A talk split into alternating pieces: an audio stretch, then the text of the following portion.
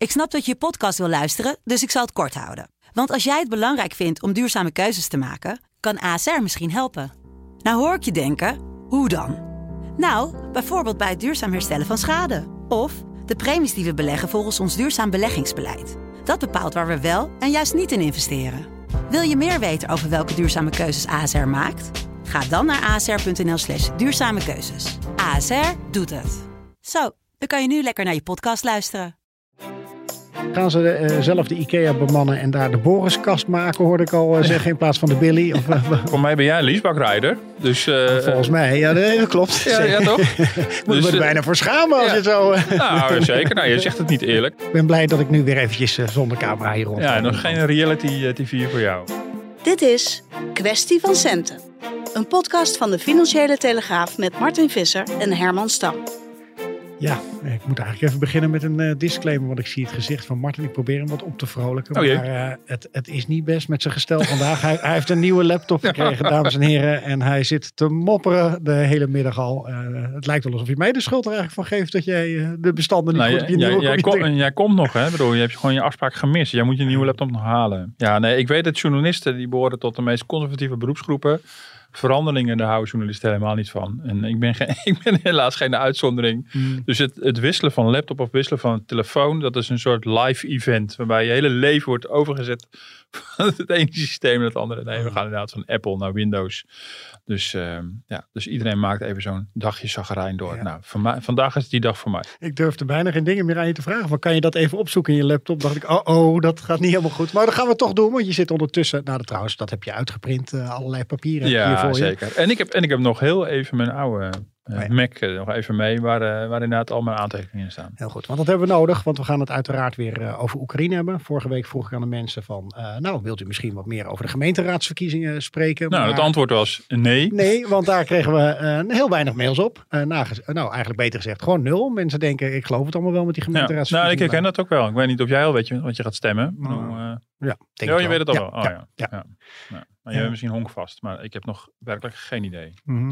Ja, nee, het is ook niet zo dat ik me er mega in verdiept heb. Maar ehm, eh, ja, het speelt gewoon niet eh, op dit moment, toch? Ehm, Nee, het leeft niet. Nee. nee. Nee, het speelt wel, maar het leeft Ja, niet. nee, nee, zeker. Ja, nee, Ja. Het zal ongetwijfeld ook te maken hebben met Oekraïne. Toch?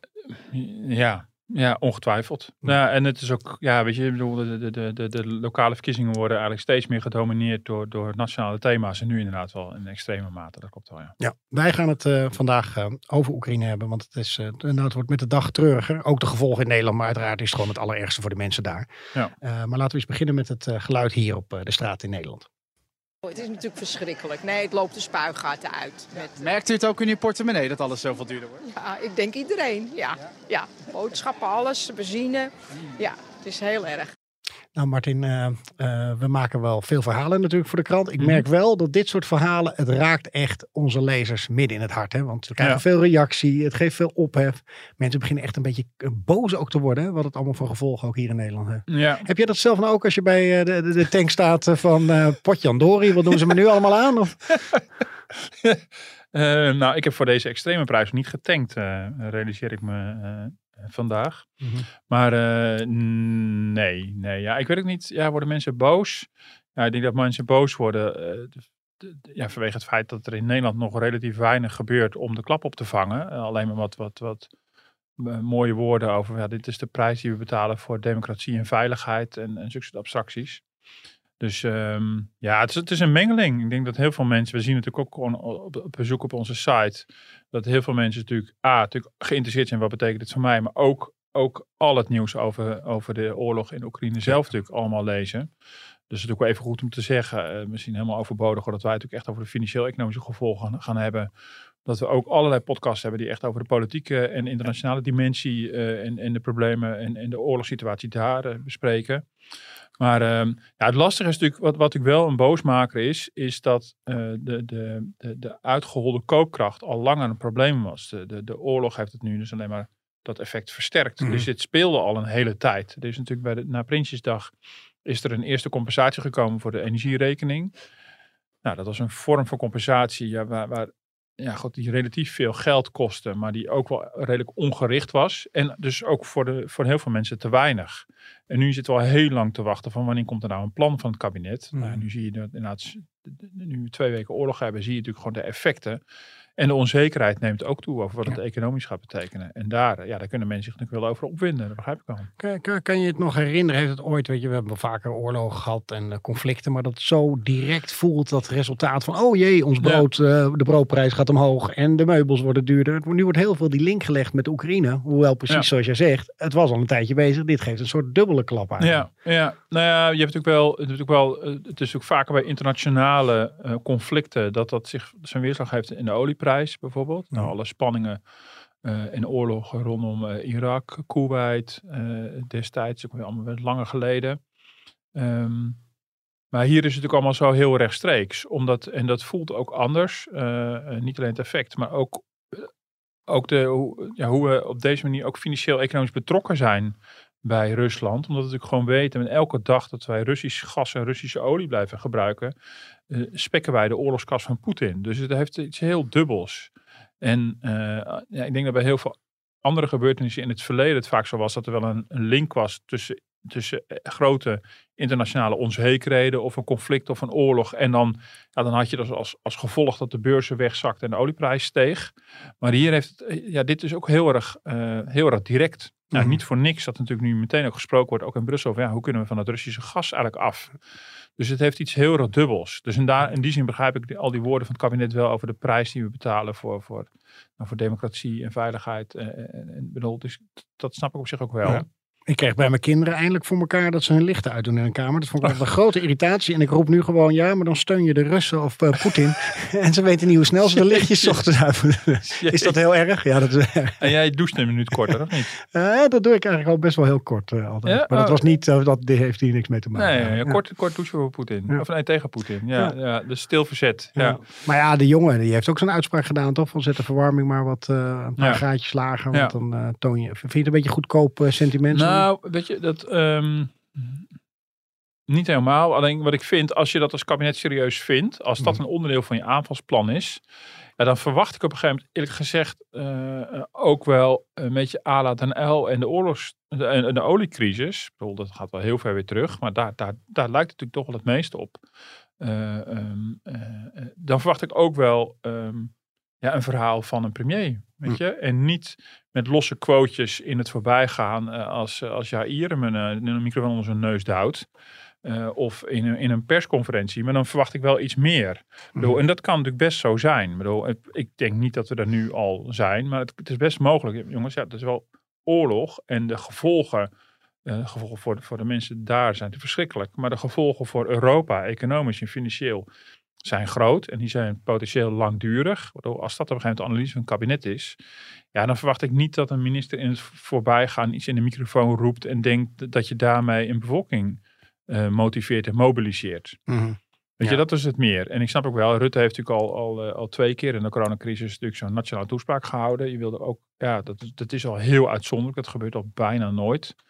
Eh, maar ik zou me wel voor kunnen stellen dat als je echt vindt dat het menens is en dat je een bepaalde ja, eh, gevoel bij de bevolking wil losmaken.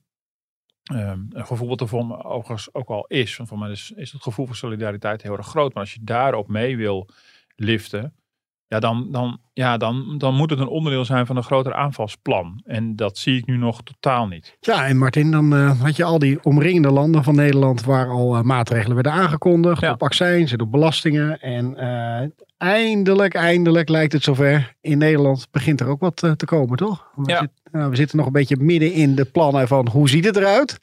Ik ga niet hier zeggen het kwartje van Kok gaat verdwijnen. maar, en laten we het ook niet te positief allemaal aanpakken. Want we weten gewoon nog niet helemaal goed. Maar er, er, er komt wat aan. Er Ja, pakket. zeker. zeker. Ja, op het moment voor de luisteraar dat we dit opnemen, eh, is er al heel, heel veel uitgelekt. Maar moet het plan nog worden gepresenteerd. Dus we zitten nog een beetje in de, in de twilight zone. Mhm. Eh, maar eh, eh, nee, zeker. Maar je ziet dus zitten een aantal elementen in die ook in een aantal buitenlanden ook al eh, gedaan zijn. Eh, het ziet er nou uit dat het met de BTW wordt geschoven. Dat de elektriciteit tijdelijk van het hoge BTW-tarief naar het lage BTW-tarief gaat, bijvoorbeeld. Ja. En dat inderdaad de accijns eh, omlaag gaat op brandstof. En die had ik toch eerlijk gezegd niet eh, zien aankomen. Nee, want we dachten allemaal, nou, eh, Sigrid Kaag, de minister van Financiën, ze is een beetje aan het treuzelen, maar dat gaat ze niet doen. Dat vindt haar partij ook niet echt fijn, Nee. hè, want het bevordert vooral natuurlijk de autorijders. Eh, door de pomp gaan wil ik niet meteen zeggen, maar kon ze niet anders door de gemeenteraadsverkiezingen die misschien eraan komen nu woensdag? En Ja. dat ze dachten van ja, nou ja, dat is, ook iets, dat is ook iets een beetje voor de politieke duiding. Want ja, ik, ik ben verrast ook in die zin dat... ehm, eh, nou, wij schreven deze week op dat er nog geen menukaart was met opties.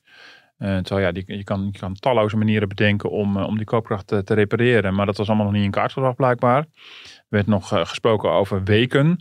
Pas deze woensdag zei minister Karin van Gennep van Sociale Zaken voor het eerst dat eh, de koopkrachtreparatie ook voor dit jaar zou zijn. Zelfs dat was nog onduidelijk of ze pas per 1 januari iets wilde repareren of al lopende dit jaar. En het is nu een enorme eh, stroomversnelling gekomen. Terwijl volgens mij het kabinet dagen in, in Parijs heeft gebivakkeerd. bij Macron, Rutte, bij de, bij de top in Versailles. Ehm, dus, dus ja, dus in die zin is het wonderlijk dat het ineens nu heel snel gaat. Eh, en inhoudelijk ook bijzonder. eh, omdat het eh, vrij ongekend is dat de benzineaccijns wordt verlaagd. Ehm, Hoe lang is dat geleden? We- ja, dat, dat, dat weet ik eerlijk gezegd niet. Nee, dat zou ik, zou ik niet weten. Ik bedoel, ik zie, er zijn overzichten van de benzineaccijns voor de afgelopen 30 jaar. Dan zie je dat het wel eens een keer ietsje lager is geweest. Maar dat was niet een verlaging waar nu over gesproken wordt. Echt met, eh, met eh, nou, iets van 17 cent voor, voor, voor benzine. Dus dat is, eh, eh, ja, dat is echt een serieuze verlaging. Eh, dus, dus in die zin is dat echt wel verrassend dat het instrument wordt ingezet. En het mantra was natuurlijk de hele tijd van we gaan inzetten op de laagste inkomens. Er was ook echt al verwachtingsmanagement gedaan. Men had nog geen idee wat de uitkomst ging worden, maar dat was in ieder geval het doel, de laagste inkomens. Nou, daar wordt inderdaad ook iets voor gedaan via de bijzondere bijstand. Eh, en verder is het toch een vrij generieke maatregel via de benzineaccijns en de BTW op energie. En dat is toch wel een eh, opmerkelijke. Hoeven we nou niet meer te gaan tanken in Duitsland en België? of, eh, Nou, dat deed ik sowieso al niet. Maar ehm eh, dat is vanuit Amsterdam vind ik dat toch een beetje te ver. en ehm, nee, maar dat, dat helpt natuurlijk wel enorm. Ehm, en in die zin is dat wel eh, is dat opmerkelijk dat daarvoor gekozen is. Ehm, ik denk dat de druk ook wel hoog was. Ja, gemeenteraadsverkiezingen, het zou kunnen. Ja, gemeenteraadsverkiezingen gaat natuurlijk al bijna niet meer over, over lokale thema's, zou je haast denken. In ieder geval niet in, in de media. Misschien dat heel veel kiezers zich wel druk maken om allemaal lokale thema's. Ehm, maar je ziet dat de politieke partijen natuurlijk heel erg eh, het, het, het landelijke proberen in te zetten, ook voor die gemeenteraadsverkiezingen. Ehm, ja, dus ongetwijfeld heeft dat er daar iets mee te maken. Dat ze niet wilden dat het nog te lang door zou zeuren. Ja, jij- en eh, je, mensen die hier al op reageren, op die uitgelekte plannen, hebben dan ook zoiets van, nou, maar dat duurt nog best wel heel lang, want ik sta nu eh, voor heel veel geld te Ja. tanken. En dan uiteindelijk in juli eh, zien Ja. we pas iets op die accijns. Hoe, Ja. hoe komt dat? dat het zo Ja, nou, dat, dat vind ik niet zo raar eerlijk gezegd. Hoor. Ik bedoel, dat moet ook allemaal nog door de Tweede en Eerste Kamer heen. Daar moet de Raad van State wat van vinden. Dus dat vind ik eerlijk gezegd niet heel raar. Het is al erg uitzonderlijk dat je in een lopende jaar, een lopend jaar zo ingrijpt. Ik denk ook dat het niet anders kon. Van waarom zou je anders in het voorjaar met een plan komen? Dat doe je toch niet om pas in januari in te grijpen. Want dan had je net zo goed met Prinsjesdag kunnen doen.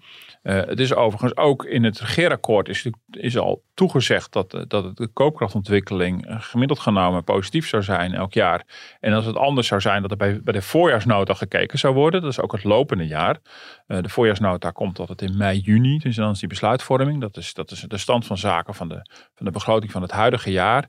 Ja, en dat je dingen dan regelt per 1 juli, dat vind ik niet heel erg raar. Ik had al even nagevraagd, eerder al bij Financiën, van ja, die benzineaccijns, hoe zit dat eigenlijk technisch? Kan dat, kan dat wel of niet? Er Zijn er moeilijkheden? Omdat minister Kaag had gezegd, nou zo makkelijk is dat allemaal niet. Dat zei ze zondag nog. Nou, zo mak- makkelijk is het dus allemaal wel. Ja, politiek is het misschien moeilijk, maar technisch lijkt daar eigenlijk geen enkel probleem te Ja, zijn. dat je altijd denkt bij die belastingdienst van kunnen ze het wel uitvoeren. Dan komen we weer op jouw eh, computer uit. eh, die, Computer eh, zegt nou. Ja, precies. Ja. En eh, zeker. En de mantra van de Belastingdienst is van eh, eh, liever niet. Eh, doe, doe niks, want we zijn bezig om, eh, om alle achterstanden in te halen op ICT-gebied. Dus elke verandering eh, zal ertoe leiden dat het inhalen van de achterstand alleen maar langer gaat duren. En dat is begrijpelijk. Maar goed, er is nu wel iets uitzonderlijks aan de hand.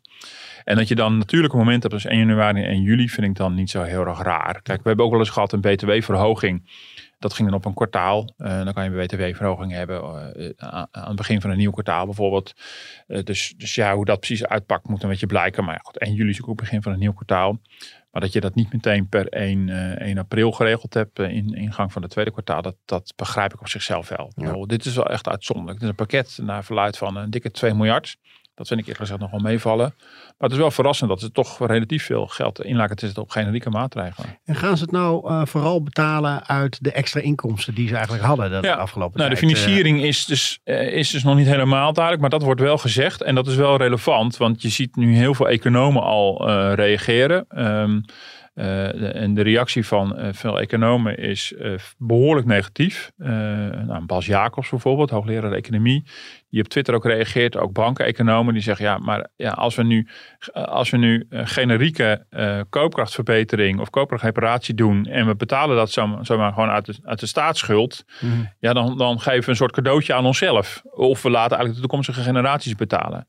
Eh, ik begrijp de reactie op zichzelf wel. Ehm, eh, dus dat is het nadeel van generiek. Want ja, weet je, die, de pijn komt van buiten. Dus als land eh, eh, eh, worden we armer. En dan is het de vraag van wat, wat wil je dan? Wil je, dat, dan? wil je dan die pijn anders gaan verdelen? Kijk, dan, dan wordt het echt een politiek vraagstuk. En daar leek het heel erg op. Dat ze zeiden van nou, de hogere inkomens compenseren we niet, maar de lage inkomens wel. En dan is het de politieke vraag van pak je dan ook de middeninkomens wel of niet mee? Maar als je het heel generiek doet, ja, dan moet het ook zelf betalen. Weet je? Dus, eh, maar eh, als het nou blijkt dat er eh, ook aantoonbare meevallers zijn op de begroting, bijvoorbeeld doordat het kleine beetje gas wat we nog oppompen voor veel hogere tarieven wordt verkocht, ja, dan delen we gewoon die meevallers uit. Dus dan is het alweer een ander verhaal. Eh, overigens zou je ook nog steeds kunnen beredeneren dat als je het in de staatsschuld laat lopen, eh, en dit is echt een hele tijdelijke maatregel, dat je zegt, ja, die verdeelt de pijn dan over de tijd, eh, smeer je dan uit. Dus ik, ik snap de kritiek van die economen, maar ik vind hem een beetje snel. We moeten even kijken hoe dit nou precies uitpakt. Want als, als de inschatting is dat eh, de, de koopkrachtproblemen eh, voor heel veel inkomensgroepen echt voor eh, grote verstoringen gaat zorgen. En misschien ook wel bij kan dragen aan een recessie. Nou, dat zou ook wel kunnen. hè. Als iedereen voorzichtig gaat worden en daardoor schrikt en mensen de hand op de knip houden. ja, dan is het natuurlijk wel reden om, om in te grijpen. Ja. Maar dan nog vind ik het wel, wel verrassend. Ik zag, deze, ik zag deze niet aankomen. Ik denk dat voor mensen die die voor hun werk bijvoorbeeld niet anders kunnen dan de auto gebruiken, hier natuurlijk echt wel mee geholpen zijn. Want ja, je bent een dief van je eigen portemonnee. Eh, als, je, als je voor de 19 cent eh, die je ervoor krijgt, eh, je, je woon-werkverkeer of je ritjes voor de werk moet doen, als met zulke soort bedragen. En het zag er niet naar uit dat de werkgever dit ging betalen. En hoe zit je in die discussie? Want je krijgt inderdaad wat accijnsverlagingen. Dus die 19 cent komt weer iets, nou, iets beter uit. Hij komt totaal niet uit, want je legt er gewoon in. Nee, nog steeds niet. Ja. Maar aan de andere kant worden de leaserijders wel weer gecompenseerd door je werkgever. Ja. de, de, jij rijdt ook voor 19 cent per kilometer volgens mij. Heb je zoiets van, ik ga niet meer naar mijn werk. Ik geloof het allemaal wel. Ehm, nou, eh, nou ja, ik kan me wel voorstellen. Ja, voor mij ben jij een leasebakrijder. Dus, eh, volgens mij, ja, dat klopt. ja, ja, toch? Moet Dus, er eh, bijna voor schamen als ja. je het zo... eh, Nou, zeker. Nou, je zegt het niet eerlijk. Dus ik denk, benoem het, benoem het maar even. Oh, nee, ik, eh, nou, ik zal ja. even zeggen, ik, ik zit... Kijk, dat is ook de reden dat we dit soort verhalen hebben gemaakt deze week. Maar je hebt lease-schaamte, of niet? Dat ging je nu nou, zeggen. oh, nee, nee, nee, totaal niet. Maar ik vind het wel vervelend dat sommige mensen inderdaad met die 19 cent het moeten doen.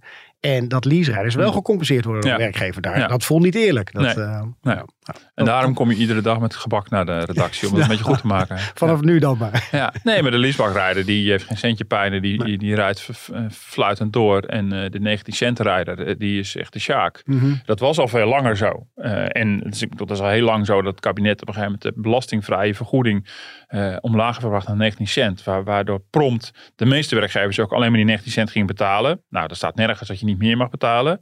Eh, alleen dat, dat er bovenop is niet belastingvrij. Eh, maar ja, dat wordt dan een soort nieuwe norm. En dat schiet natuurlijk echt tekort. En er zijn wel eh, plannen in het regeerakkoord om, eh, om dat plafond te verhogen. Maar goed, dat, dat is er nog voorlopig nog niet. En We dat weten zou- niet of dit nu in deze maatregelen die nog aangekondigd Nee, dat is moeten in ieder geval worden, niet, dat nou, dat is in ieder geval niet uitgelekt. En het ziet er niet naar uit dat dat versneld gaat worden. Dat zou natuurlijk wel kunnen.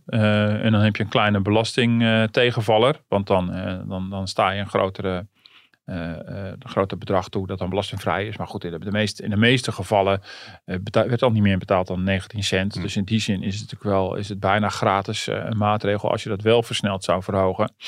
Ehm, eh, maar dat, dat zie ik nog niet meteen gebeuren. Maar goed, wie weet. Eh, nee, maar dat is ook wel heel, dat is ook wel heel uh, onevenredig. En ik kan me heel goed voorstellen dat heel veel mensen die na de coronacrisis voorzichtig gaan weer terug naar hun werk komen en dan achterkomen ja, dat ze met elke kilometer dat ze dichter bij hun werk komen nog meer verlies hebben geleden. Dat ze denken van ja, hallo, maar dat gaan we niet meer doen. Ehm, maar dat is ook dan een probleem van de werkgever. Die ook heel graag wil dat mensen weer hybride gaan werken. Nou, in heel veel banen moet je gewoon de weg op. En die een krappe arbeidsmarkt ziet. Dus je moet het ook aantrekkelijk maken voor mensen om te gaan werken. Ja, dus dan ga je dat misschien op een andere manier compenseren. Uh, dus uh, nou goed, en het verlagen van die accijns helpt ik dan, dan wel een beetje. Ja. En, en als je nou het uh, pakket even in zijn algeheel pakt, van uh, de, de, wat voor beoordeling geef je dan? We hadden het eventjes over die omringende landen. Uh, ja. jij zegt nou, dat is niet zo gek dat het nog even duurt. Ik denk dan wel van nou, in die omringende landen ging het volgens mij wat sneller. Maar ja. goed, die geven ze dan maar. Maar het pakket zelf, is dat voldoende om ja. wat te gaan Nou, even omringende landen, dat beschreef ook van de week, hebben eerste pakketten gemaakt. Zoals een kabinet ook in najaar een eerste pakket heeft gemaakt. Maar dat was natuurlijk dat was alleen maar één maatregel. Dat was een verlaging van energiebelasting. Uh, wat een vrij dure maatregel. Dat was ook generiek.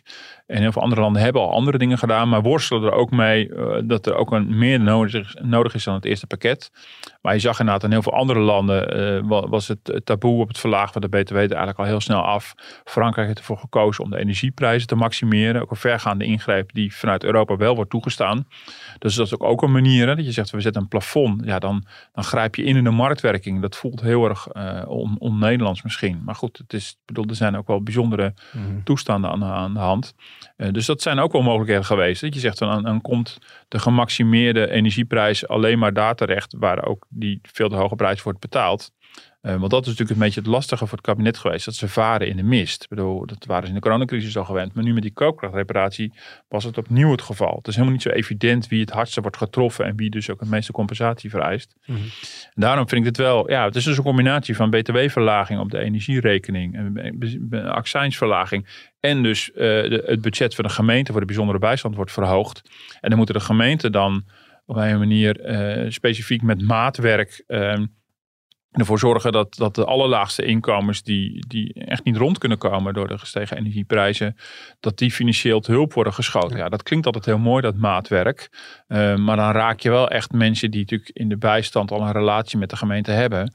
Um, ja, ik vraag die me eerlijk grote steden hebben al gezegd van het is niet voldoende Nee, dus A, dat is de vraag of het genoeg is. Ja. Dat is een punt. Maar ik vraag me ook af of, uh, ja, of, of je hiermee... Ik, ik, had een, ik had een gerichter pakket verwacht. Ik bedoel... Uh, Um, ja, ik, ik denk dat het voor het sentiment natuurlijk heel goed doet als we het kwartje van Kok natuurlijk uh, tijdelijk uh, uh, deels terugdraaien. Um, um, het kwartje van Kok was natuurlijk nog in de, in de, in de. Ja, ja, ja. En als het nu met de 17 eurocent omlaag gaat, dan is het meer dan teruggedraaid. Mm -hmm. Maar dus dat zal het wel goed doen.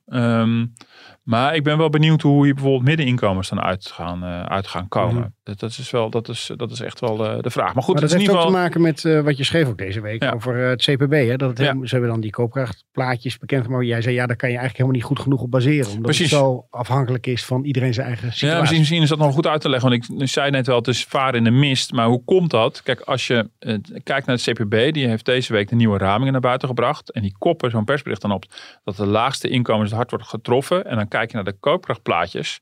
En dan zie je dan dat het doorsnee koopkrachtverlies in Nederland dit jaar 2,7% is. Hm. Um, uh, en dan zie je dat de laagste inkomens, de onderste 20%, heeft een koopkrachtverlies van 2,3%.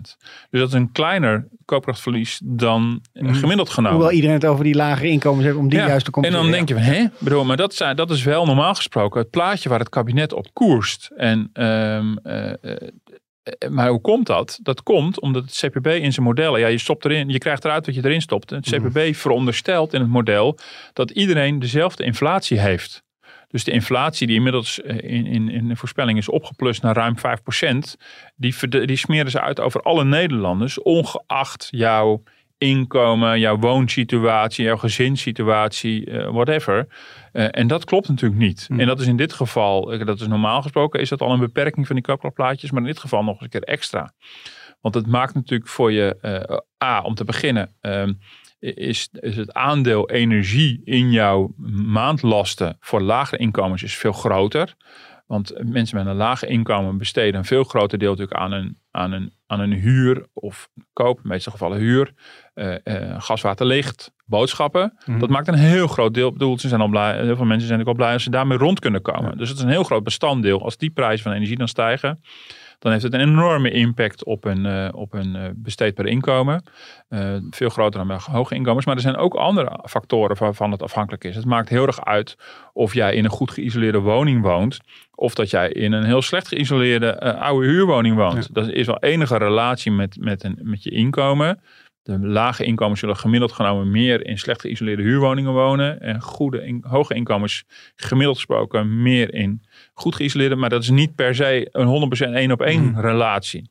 En het maakt ook uit of je alleen bent of met een gezin. Dus er zijn, nou, maar ja, ze hebben nu eigenlijk iets gedaan waarbij ze ook helemaal niet zo naar die CPB-plaatjes nee, hebben gekeken. Nee. Hè? Toch? Nee, en dat is wel verrassend, want dat was wel steeds een mantra. Ja, we mm. hebben geen geld om het voor iedereen te doen. Uh, dat vinden we niet effectief en uh, dat wordt het allemaal te duur. Dus we doen alleen de laagste inkomens. Ja, dan, dan suggereer dat je gaat kijken van wie wordt het hardst geraakt. Nou goed, uit die CPB-plaatjes kan je dat dus niet halen. CPB laat wel inderdaad zien dat de lagere inkomens natuurlijk echt wel een forse tik hebben in hun, in hun maandelijkse huishoudboekje door die uh, energieprijzen. Uh, maar dat kan je in die koopkracht, in het koopkrachtbeeld helemaal niet zien. Dus dan wordt het ook normaal gesproken gaan ze tweaken. Dan gaan ze allemaal maatregelen doen. Dan gaan ze zelf zitten uitrekenen. Oh, wat doet dit voor de koopkracht? Doet dat voor de koopkracht? Ja, en dat is dus in dit geval echt ontzettend moeilijk. En je ziet dus ook dat het plan daar ook nagenoeg geen rekening mee houdt. Ja. Dus de walsen ze gewoon, uh, gewoon overheen. Hey, nog even voor mij als uh, vervente autorijder. Maar die accijnsen, zie je het ooit nog weer? Ze gaan het nu dus iets uh, verlagen. Zie je het ooit weer dat het dan weer uh, bijgeplust wordt? Op een gegeven moment, ja. Of wordt het een hele... Dat is natuurlijk wel een beetje politieke zelfmoord. Nou, hangt een beetje vanaf hoe ze, ja, hangt een beetje vanaf hoe ze dat wetgevingstechnisch doen. Kijk, mm. ze, ze, alle waarschijnlijkheid kondigen ze aan dat ze dat voor zes maanden doen. dus dan gaat het 1 juli in en 1 januari wordt het weer teruggedraaid. Mm. Um, ja, als ze verstandig zijn, leggen ze dat ook meteen vast. Dat, maar ja, dat is wel, dat is wel riskant. Uh, ik bedoel, het riskante is, uh, ja, als dat weer eenmaal een aparte, aparte regeling vergt, ja, dan moet iemand echt een besluit nemen. Nu gaan we het weer verhogen. Ja. En, hoe, en daar wil je je nou niet aan verbinden. Nee, en hoe ver zijn we dan? Dus als je dat, ik weet niet of dat kan, of je dat in één keer kan regelen. Mhm. En uh, ja, hoe populair een politicus zich er ook mee maakt. Ik denk wel dat er wel reden is om te zeggen, nou, dat, dit doe je echt als een eenmalige tegemoetkoming. Maar hoe, ja, om nou te zeggen van nou weet je, dit is een mooie, uh, we gebruiken Poetin als een soort uh, aanleiding om die gehate benzineaccijns voor eens en voor altijd een kopje kleiner te maken. Ja, dat lijkt me niet echt heel erg steady, uh, steady financieel beleid. Dus, um, ja, dus dan moet er even bedacht worden hoe ze, hoe ze voorkomen dat ze hier tot Sint-Jutemus aan vastzitten. Ja. En hoe zit het ook weer met die accijns? Wat halen ze er allemaal wel niet mee op als over? Ja, nou, het is nu nog 83 cent voor, voor, voor benzine in ieder geval. Voor diesel is iets lager. En nou, het totale brandstofaccijns zijn een opbrengst van 8 miljard. Hm. dus dat is best wel fors. Dat is het grootste deel aan accijns. En 12 miljard aan accijns, waarvan 8 dus door, voor, voor, voor, voor brandstof, benzine, diesel en LPG. Uh, de, de, de, de, volgende uh, grote accijns uh, inkomsten komt uit tabak. en, en, en even, want op die accijns zit ook nog belasting. Hè? Ja, en daar gaat ook nog BTW overheen. Dus het is BTW, dus belasting op belasting. Mm -hmm. Dus ja, dus dat is ook iets wat mensen natuurlijk heel moeilijk vinden te begrijpen, mm -hmm. moeilijk vinden te verteren. Um, dus weer de vraag hoeveel voordeel daar weer voor de, voor de overheid in zat. En die, in die toegenomen btw-inkomsten. Want ja, mensen die op een gegeven moment die euro uh, aan benzine hebben uitgegeven, kunnen dus niet meer de euro aan iets anders uitgeven. Dus ergens anders wordt het misschien minder besteed. En dat, dat kost daar de, de kabinet weer btw-inkomsten. Dus best wel een ingewikkelde som. Hm. En uh, je ziet dus dat in de loop van de jaren die btw-accijns, even afgezien van het kwartje van Kok, uh, een stapje voor stapje gewoon mee is gestegen met de inflatie. Dus gewoon, er gaat uh, gewoon een inflatiecorrectie over. En die inkomsten van 8 miljard, die zijn toch wel substantieel. Ik bedoel, de, de belastinginkomsten van de, van de overheid zijn nou, dikke 200 miljard, 224 miljard geloof ik. Um, en nog even afgezien van alle premieinkomsten, maar de sectorbelastinginkomsten. Het is een substantieel deel van... Hmm wat de overheid binnenkrijgt. Kijk, op de inkomstenbelasting, dus dat we over salaris betalen, is natuurlijk veel groter. Maar het is, het is natuurlijk geen, het is geen klein bier. Dus, uh, dus je kan daar... er een groot deel bijvoorbeeld van je defensie van betalen als je het zo... Uh... Uh, ja, ja, dus in die zin kan je ook zeggen, we, we, ja, in die zin zou je het ook kunnen zeggen, we, we, we, we, we rijden voor, uh, voor ons leger. Mm -hmm. bedoel, uh, ja. Nou, dat voelt in dit geval, geval wel goed met deze alle dreigingen. Maar ja, ja, ja. in tijden van vrede is dat weer anders natuurlijk. Denken voor, voor defensie. Ja, nee, ja, op die manier wordt het wordt wel alles aan elkaar geknoppeld. Maar inderdaad, voor orde van grootte. Bedoel, we willen natuurlijk, uh, het kabinet wil volgens het regeerakkoord 3 miljard extra voor defensie uitgeven. Dus 3 miljard ten opzichte van een inkomsten van 8 miljard aan, aan uh, brandstofaccijns. Het zet de bedragen een beetje in verhouding. Mhm. En onderzoeken of ze dat nog weer met- willen oplossen met nog eens 2 miljard. Eh, vanwege alle Europese landen die nu ineens denken van hmm, misschien is dit toch wel een goed moment om onze defensieuitgaven een keer op orde te krijgen. Maar dan heb je een eentje gevoel voor orde van grootte. Dus dat is ook wel, natuurlijk wel terecht. Dus daarom is het ook niet zo makkelijk om met een, zo'n koopkrachtpakket te komen. Want dat geld moet dus ergens vandaan eh, komen. Dus eh, de vraag is of ze in, in, in het andere, andere beleid gaan snijden. Hmm. dat, dat suggereerde natuurlijk Bob Hoekstra een beetje toen hij het regeerakkoord wilde openbreken. Nou, Rutte wist niet hoe snel hij dat moest tegenspreken. Want hij dacht van, ah, dan gaan we weer hoor. Want ja, dan kan je ook naar de klimaatmiljarden kijken, of stikstofmiljarden of eh, de, de onderwijsmiljarden. Nou, dat Mhm. wil waarschijnlijk niemand. Eh, maar goed, dat geld moet ergens vandaan komen als we dat niet willen doorschuiven naar de toekomst. Ja, je noemde al eh, die eh, defensienormen. Dat is een mooi moment denk ik om eventjes eh, over te stappen naar eh, de internationale politiek en eh, naar eh, de Amerikaanse president eh, Joe Biden. That means Russian oil will no longer be acceptable at U.S. ports, and the American people will deal another powerful blow to Putin's war machine. Defending freedom is going to cost. It's going to cost us as well. Dat rolt er altijd lekker uit bij die Amerikanen, hè, dit soort dingen. Ja, zelfs, zelfs bij Biden. Dus, Ja. eh, ja. Ja, ja, meestal is het een Poetin. En dan denk je wel, wat zegt hij nou? Maar dan heeft hij Poetin gezegd. En, Ja. eh, ja. En, en Oekraïne had hij volgens mij een keer niet goed gezegd bij zijn Ja, statement. of hij nou woorden inslikt of halverwege zijn eigen woorden in slaap valt, is niet altijd helemaal duidelijk. Maar dit kwam er redelijk, eh, redelijk goed uit. Je bent niet echt een fan, eh, zo te horen. Oh, jawel. Ja, nou, fan. fan. Nee. Nee, ik ben, nee, ik ben, niet een, ik ben niet een fan. Ik ben meer van zijn stijl dan die van Trump. Bedoel, Hmm. eh, eh, maar goed, het is, het is ook niet, het is ook niet heel spet. Nee, nee zeker niet. Nee. Maar goed, het zijn hele grote woorden, want hij gaat ze in een slagader, gaat hij ze raken. En nou, dat klinkt allemaal prachtig. Maar uiteindelijk is natuurlijk de Amerikaanse eh, energieconsumptie uit Rusland betreft maar 8% van hun eigen import uit, eh, uit, eh, uit de wereld. Dus, dus ja, Amerika kan hier wat stoerder doen dan Europa. Ja, Amerikanen zeggen vaak van, maar dat hebben we goed gedaan, want we waren al aan het afbouwen voor dit hele probleem begon. Ja. Dus dat hebben ze tactisch dan slim gespeeld. Ja. Zit het zo? Of, nou, dat kan. Kijk, we, dat is, de uitgangspositie is ook wel een beetje anders. Hè? Ik ja, weet je, wij, wij, eh, eh, wij hebben ook afgebouwd, maar dat is dan ons eigen gas in, in, in Groningen. Dus daar speelden we hele andere, hele andere, ehm, eh, andere ontwikkelingen. Maar Amerika zit in die zin natuurlijk makkelijker erin, omdat ze zelf een grote producent zijn. Mhm. Dus ze zijn netto-exporteur van, van, van met name van olie. Dus, dus, dus ja, dat is wel echt wel een heel andere, heel andere situatie. Dus dan kan je dit ook veel makkelijker zeggen. Dus hun, hun afhankelijkheid was ook al veel kleiner. Eh, eh, ja, en voor een heel groot deel voorzien ze gewoon zelf in hun eigen, in hun eigen behoeften. En dan exporteren ze ook nog. Ja. Ja, die luxe hebben wij dus in Europa dus niet. Bedoel, Hmm. eh, de EU is voor 40% van zijn gas afhankelijk van Rusland. Doe- Inderdaad, dat is niet handig gedaan, eh, to say the least.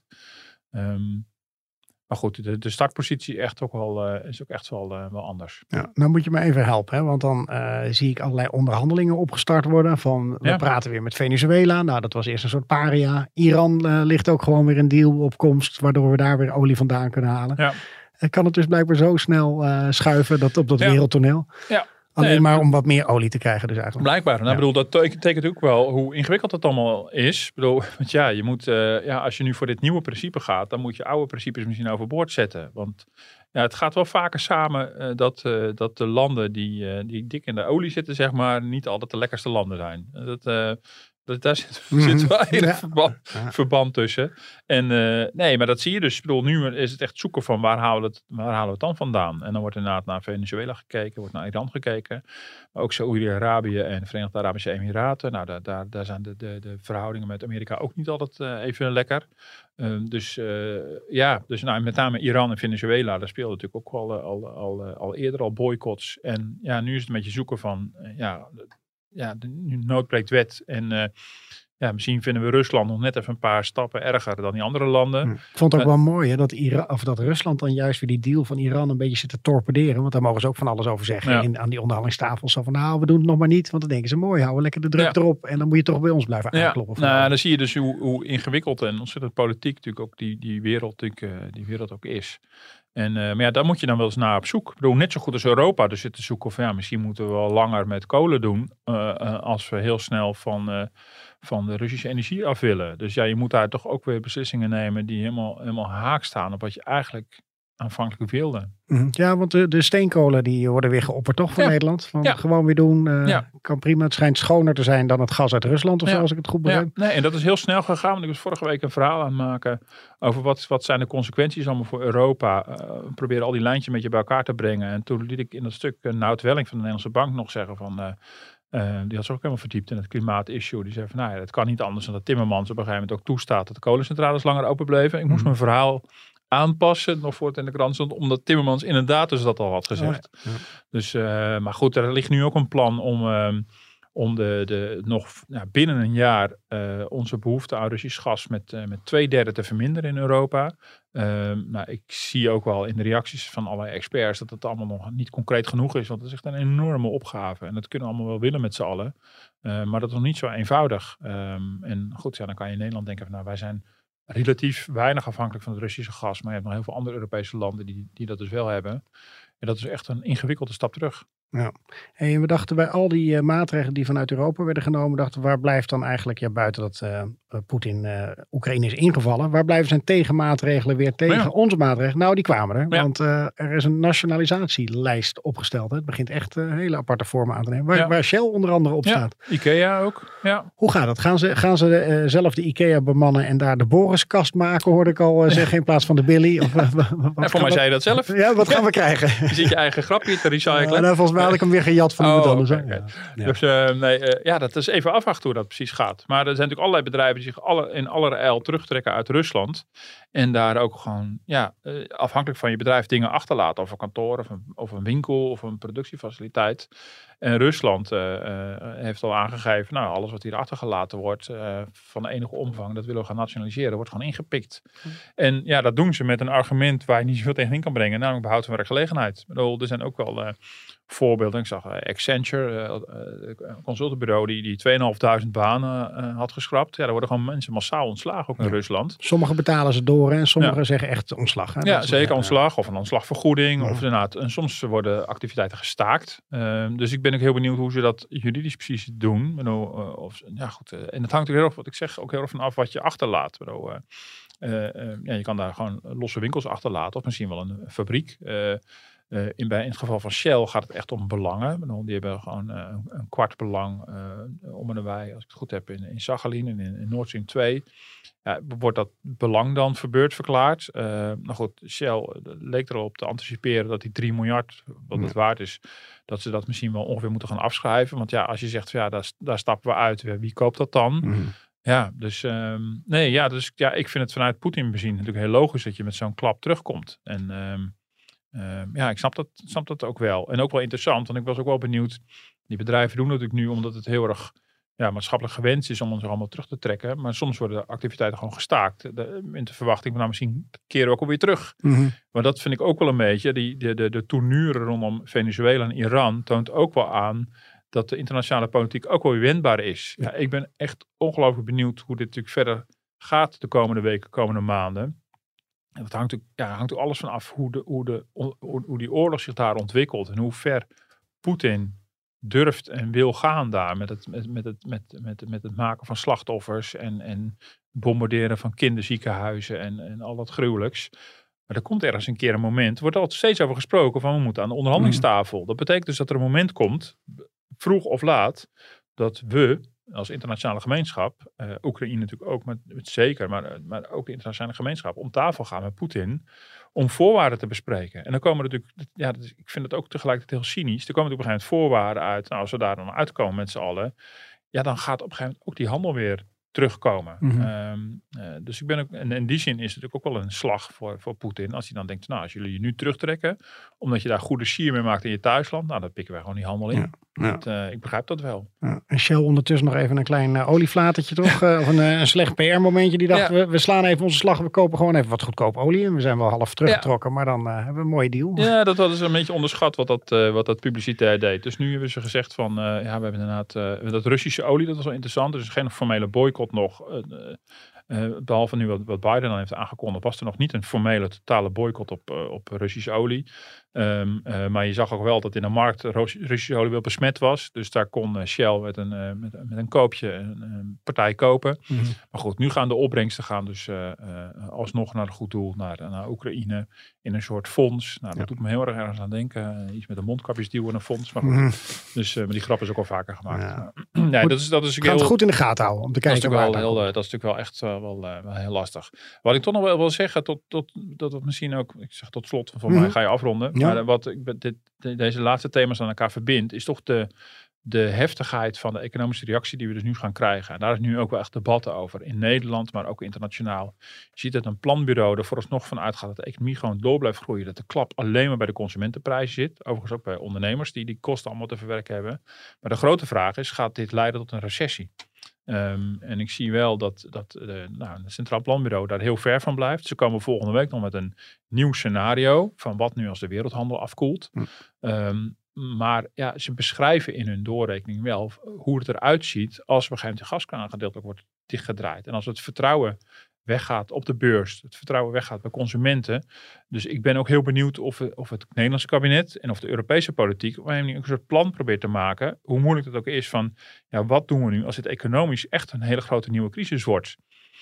Dat hoor ik nog niet echt. Mhm. En het is ook lastig om, om een plan te maken bij, op iets wat er nog niet is. Ehm, maar ja, je zal wel op een manier toch moeten bedenken van hoe gaan we, daar, hoe gaan we daarop op handelen. Want eh, ja, als het echt tot een grote economische crisis leidt, dan zijn de gevolgen groter en langduriger. Dus ik ben ook wel heel benieuwd hoe dat eh, verder uit gaat pakken. Terechte afsluiting. Mooi afgesloten. Maar we zijn er nog niet, Nee. want we hebben nog onze rondvraag. Ja. En ik ben altijd zo benieuwd waar je mee komt. Want je verrast me soms met je vogeltochtjes. En nou ja, weet je, eh, zeg het maar. Hebben we nog iets voor de rondvraag? Nou ja, ik heb nog wel iets, maar dat is niet echt nieuws, maar eh, dat, is meer, dat is meer persoonlijk. Is, eh, ik was eh, deze week met eh, de groep 8 van mijn dochter mee op stadswandeling door Amsterdam. Eh, in groep 8 hebben ze als eh, thema Tweede Wereldoorlog. En dat voelt voor de kinderen super actueel. Want je ziet dat kinderen ongelooflijk bezig zijn met Oekraïne. Eh, echt niet alleen bij ons op school, maar heel veel kinderen. Het Jeugdjournaal besteedt er heel veel aandacht aan. En eh, het was wel bijzonder. We werden rondgeleid door de stad. We zijn naar het Verzetsmuseum geweest. En de kinderen waren vooral heel erg onder de indruk van het eh Holocaust Namenmonument. Ik weet niet of je er al geweest Mhm, bent. ja. Eh, maar dat zit schuin tegenover de dokwerker. En eh, daar zijn de 102.000 uit mijn hoofd namen van alle slachtoffers van de Holocaust. De Nederlandse slachtoffers in een soort van bakstenen alle namen ge- gezet. En je zou denken dat is abstract. Maar omdat de leeftijd van alle mensen erbij stonden, maakte het op kinderen een enorme indruk. En ik vond het wel bijzonder om te zien hoe, eh, hoe kinderen toch iets wat voor hun echt heel ver in het verleden is, dat dat toch voor ze ging leven en de verbinding met de actualiteit konden maken. Dus eh, ja, ik vond het bijzonder om erbij te zijn. Ja, nou ja, goed je zegt. Je, je merkt het gewoon ook sowieso aan de kinderen. De Ja. onrust die het heeft. Ook eh, het jeugdjournaal wat ze zien en hoe ze ermee Ja. bezig zijn. De inzamelingsacties. Hartstikke, ja, dat is indrukwekkend. Maar ook goed om te zien hoe ze dan eh, met dat soort acties ook willen helpen. En zo. Ja, ja, dus dan ben ik ook wel hoor. Dat zal jij ook wel hebben, denk ik. Van, je bent de hele dag bezig met het nieuws, gewoon vakmatig. Maar op een gegeven moment kom je s'avonds ook thuis. Of je bent al thuis. En, eh, en ja, ook je gezin is daar natuurlijk eh, gewoon dan persoonlijk mee bezig. In plaats van vakmatig. En dat zijn wel twee, ja, twee verschillende manieren van omgaan met dat nieuws. Ja. Eh, op je werk kan je dat nog een beetje op afstand houden. Maar ja, als jouw dochters dingen vragen, dan moet je ook een verhaal hebben. Van, eh, van eh, ja, hoe gevaarlijk is het wat er gebeurt. Helder. Had jij nog iets voor de rondvraag? Nou, nee, ik moet er even bij komen. Ik heb de bedrijfsvideo moeten opnemen de hele ochtend. En liep een camera met me mee hoe leuk mijn werk hier is. En eh, nou ja, goed, het zijn wel bijzondere tijden. Dat zeg ik ook al meteen bij. Eh, buiten dat moet je terecht zeggen van eh, het leed is eh, enorm erg. Maar als journalist is je vak nu natuurlijk heel dynamisch op dit moment. Ja. En in die tijden leven we. En eh, nou ja, goed. Ik, ik hoop dat de video wat oplevert. Dat we af en toe wat mensen, ook nieuwe mensen hierbij krijgen. Want het was eh, een wervingsvideo. Eh, maar het is ook wel een beetje ongemakkelijk werken met zo'n camera op je neus. Dus eh, ik ben blij dat ik nu weer eventjes eh, zonder camera hier rond. Ja, nog geen reality TV voor jou. Nee, Geen, oh help oh. zeg. Ik heb er echt respect voor voor mensen die dat graag willen. Maar dat zal bij mij nooit gebeuren, denk ik. Nee? Oh, Jammer. Geen verloren. Ja. maar goed, ik ga je even vragen, want dat gaat altijd hartstikke lekker om, om, ons, aan, om ons een beetje aan te moedigen op, op onze apps. Zeker, zeker. Nee, ja, vond je dit nou een interessante podcast? En we hopen dat van harte. Laat het dan even weten via duimpjes en sterretjes op de podcast-apps. Laat een reactie achter eh, als dat mogelijk is. Dan kunnen andere mensen ons beter vinden. We vinden feedback leuk. En je kunt ons ook mailen op Ja, ik ben, maar er is dus heel weinig gemaild afgelopen week op die oproep over de gemeenteraad. Dus misschien heb ik het wel verkeerd gezegd. Maar ik zeg gewoon podcast.dft.nl. Dan moet het allemaal goed komen. Misschien hebben we het volgende week wel een stukje over de gemeenteraadverkiezingen. Want dan hebben we een uitslag. En misschien zegt het wel wat ook over de financiën bij de En misschien ook niet. We, hebben geen idee hoe het nieuws de Nee, precies. Het zou ook zo nog maar weer over eh, Oekraïne kunnen gaan. Bedankt eh, voor het luisteren. Tot volgende week. Tot volgende week.